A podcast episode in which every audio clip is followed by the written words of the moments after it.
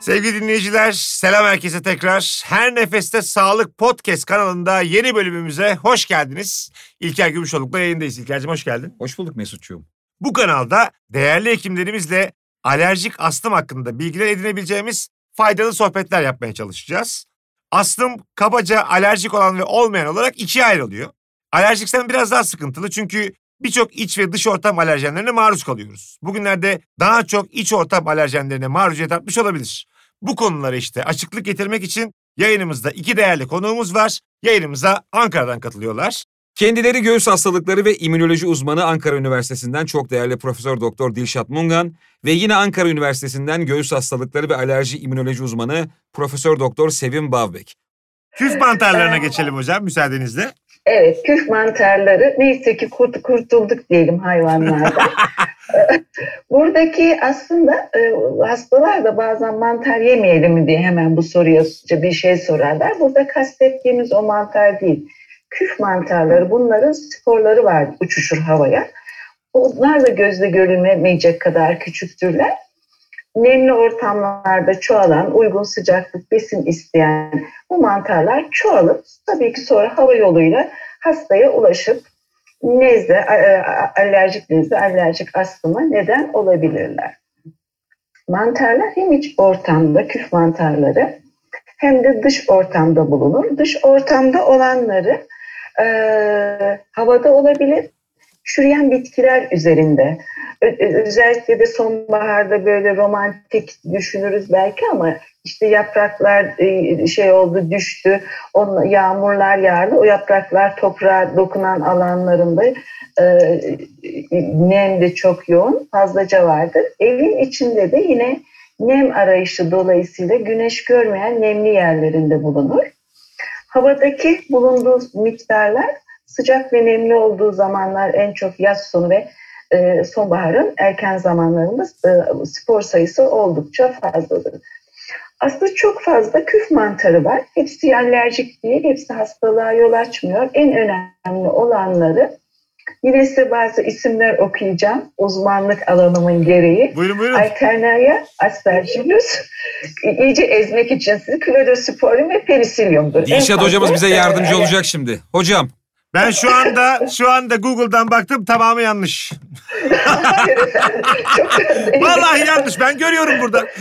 Alternaria alternata bile diyebilirim hatta. Bakınız ikinci adımı söylemedim. biz sizin size. dediğinize baktık bizde çökelek diyorlardı. Onlar evet. maya Yöresel adı çökelekmiş.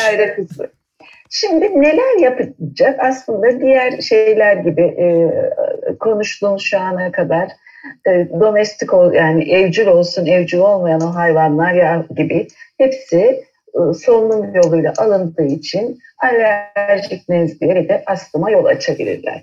O halde nasıl korunalım? Dış ortamda e, maden yaprakların olduğu alanlarda oluyor. O yaprakların birikmesine çok izin vermemek, temizlemek lazım. Tercihen hasta temizlemesin, temizletsin bunu. E, temizlemek zorunda kalıyorsa da maskeyle bu işi yapsın. Küf mantarlarının yoğun olduğu zaman da tek dış ortama çıkması önerilmez. İşte doğa yürüyüşleri yapması o noktalarda önerilmez. İç ortamda da en yoğun olduğu alanlar banyo, mutfak, bodrum katı.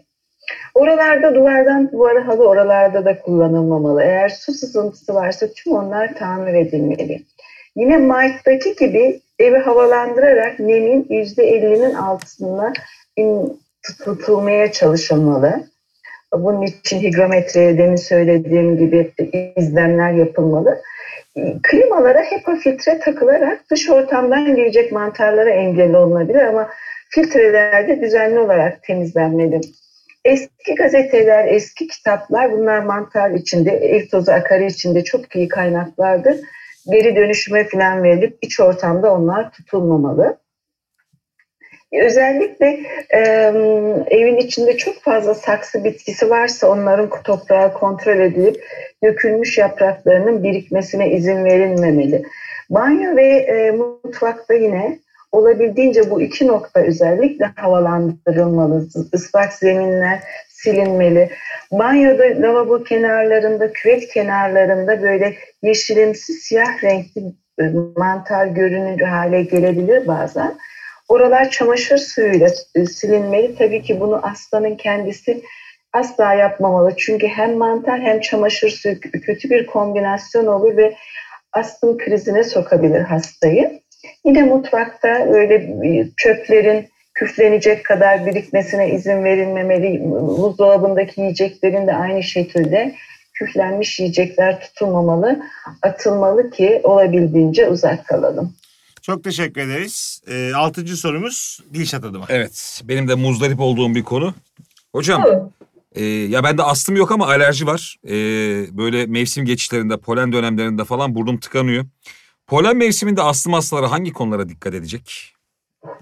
Evet. E, nihayet çiçeklere, bitkilere gelebildik. Birkaç soru daha olsa insana geleceğiz Ee, hocam. ham- hamam böceğiyle alakalı birkaç sorum daha var. Onları birazdan soracağım hamam böceğiyle alakalı. Buyurun. Eyvah eyvah. Bitkilere gelelim. Ee, aslında hani direkt olarak astıma e, etkileri ve nelere dikkat etmeli diye başlarsak bizler hep böyle daha başından almayı seviyoruz. Çünkü hani bir bu polenlerin neler olduğu, nasıl e, alerji yaptığını kısaca söyleyip oradan e, astım ve alerjik nezleye geçeceğim. Daha kolay anlaşılıyor çünkü. E, aslında e, alerjik reaksiyonlara neden olan polenler e, rüzgarla e, taşınan e, polenleri rüzgarla taşınan bitkilere aittir. Çiçeklerle çok fazla bir alakası yok. Çiçek tozuna alerjim var kısmı e, çok doğru değil. E, daha çok yeşil yapraklı e, bitkilerin polenleri e, rüzgarla taşınıyor. E, sonuç olarak ağaç polenleri, yabani ot polenleri ve çayır çimen polenleri alerji yaparlar. E, bunların da hepsinin bir e, polen e, oluşturma mevsimleri var aslında, bir zamanları var ve bitki türlerine göre de değişiyor. Örneğin ağaçlar en erken polen yaparlar. Kışın başlar e, ağaçların polenleri. E, ilkbaharın başında da biter. Yani Şubat, Mart, Nisan aylarında olur genellikle ağaç polenleri. Havada en yoğun. Çayır çimen polenleri ise tam da ilkbaharda olurlar. Nisan'da başlar yavaş yavaş artar. Mayıs, Haziran'da havada en yüksek noktasındadır. Temmuz'da da azalıp biterler. Ee, Yabani ot polenleri ise e, geç yaz ve sonbaharda havada en yoğun dönemlerini oluştururlar. Bütün bunları bilince biz hastalarımıza sorduğumuzda aslında test yapmadan bile bir öngörümüz olabiliyor. Mesela sizin şikayetleriniz hangi ayda oluyor? Hocam benim ya aslında bahar. Tam yani, mevsim geçişleri. Yani şöyle söyleyeyim Mart. size. Nisan ve Eylül Ekim gibi daha çok. Hı hı. Belki hani Nisan Mayıs dersek çayır çimen olup bir de bir yabani ot da e, sonbaharda oluyor olabilir ya da başka bir neden. E, bütün bunları bilerek biz sorularımızı yöneltiyoruz. E, tabii ki bir yerin bitki örtüsüyle, iklim koşullarıyla, o yıl aldığı yağışla, hava sıcaklığıyla da ilişkili polenlerin yoğunluğu. E, ve polenlerde en çok alerjik nezleye ve alerjik astıma yol açıyorlar. Alerjik nezleye, şu saman nezlesi diye bildiğimiz e, hepimizin duruma en çok yol açanlar ağaç polenleri değildir. Çayır çimen polenleridir. Hep ağaç daha çok suçlanır ama çayır çimen polenleri yani o Mayıs-Haziran'da şikayetlere neden olan e, bitkilerin polenleridir. Biz onlara mevsimsel alerjik nezle diyoruz. Hı hı. E, aynı zamanda gözlerde de belirti yapar. E, gözlerde kaşınma, sulanma, kızarma e, olabilir. Yine mevsimsel alerjik göz nezlesi deriz ona. Ee, bazı hastalarda da astıma da neden olabilir. O zaman da bu mevsimde görülen nefes darlığı, öksürük, hırıltılı, hışıltılı solunum olur. O zaman buna mevsimsel astım diyoruz. Ee, işte polen alerjisi olan kişilere öneriler yaparken bütün bunları e, göz önünde bulundurarak yapıyoruz. Ee, bir kere yaşadığı yöredeki e, polenlerin, e, hangi polenlerin hangi aylarda en yoğun olduğunu bilmemiz gerekiyor. Ee, Türkiye'de aslında birçok yerde polen sayımları yapılıyor. Biz de çok şanslıyız ki Ankara'da da Ankara Üniversitesi Fen Fakültesi Aeropalinoloji bölümünde e, polen günlük polen sayımları yapılıyor ve oradaki çok değerli hocalarımız bizlere bu sonuçları veriyorlar. E, bütün bu bilgiler eşliğinde biz hastalarımıza diyoruz ki bakın sizin örneğin çayır çimen polenine alerjiniz var buna bağlı mevsimsel alerjik nezleniz var. Ankara'da bunların en yoğun olduğu dönem Mayıs ve Haziran aylarıdır Mayıs ve Haziran aylarında mümkünse ev dışı aktivitelerden kaçının diyoruz. Peki ne yapayım diyor hasta. Sonra diyoruz ki e, bu polenler en çok sabah ve öğle saatlerinde havada bulunurlar. Akşam saatlerinde daha azalır sayıları. E, kuru ve rüzgarlı havada çok olurlar ve çok taşınırlar.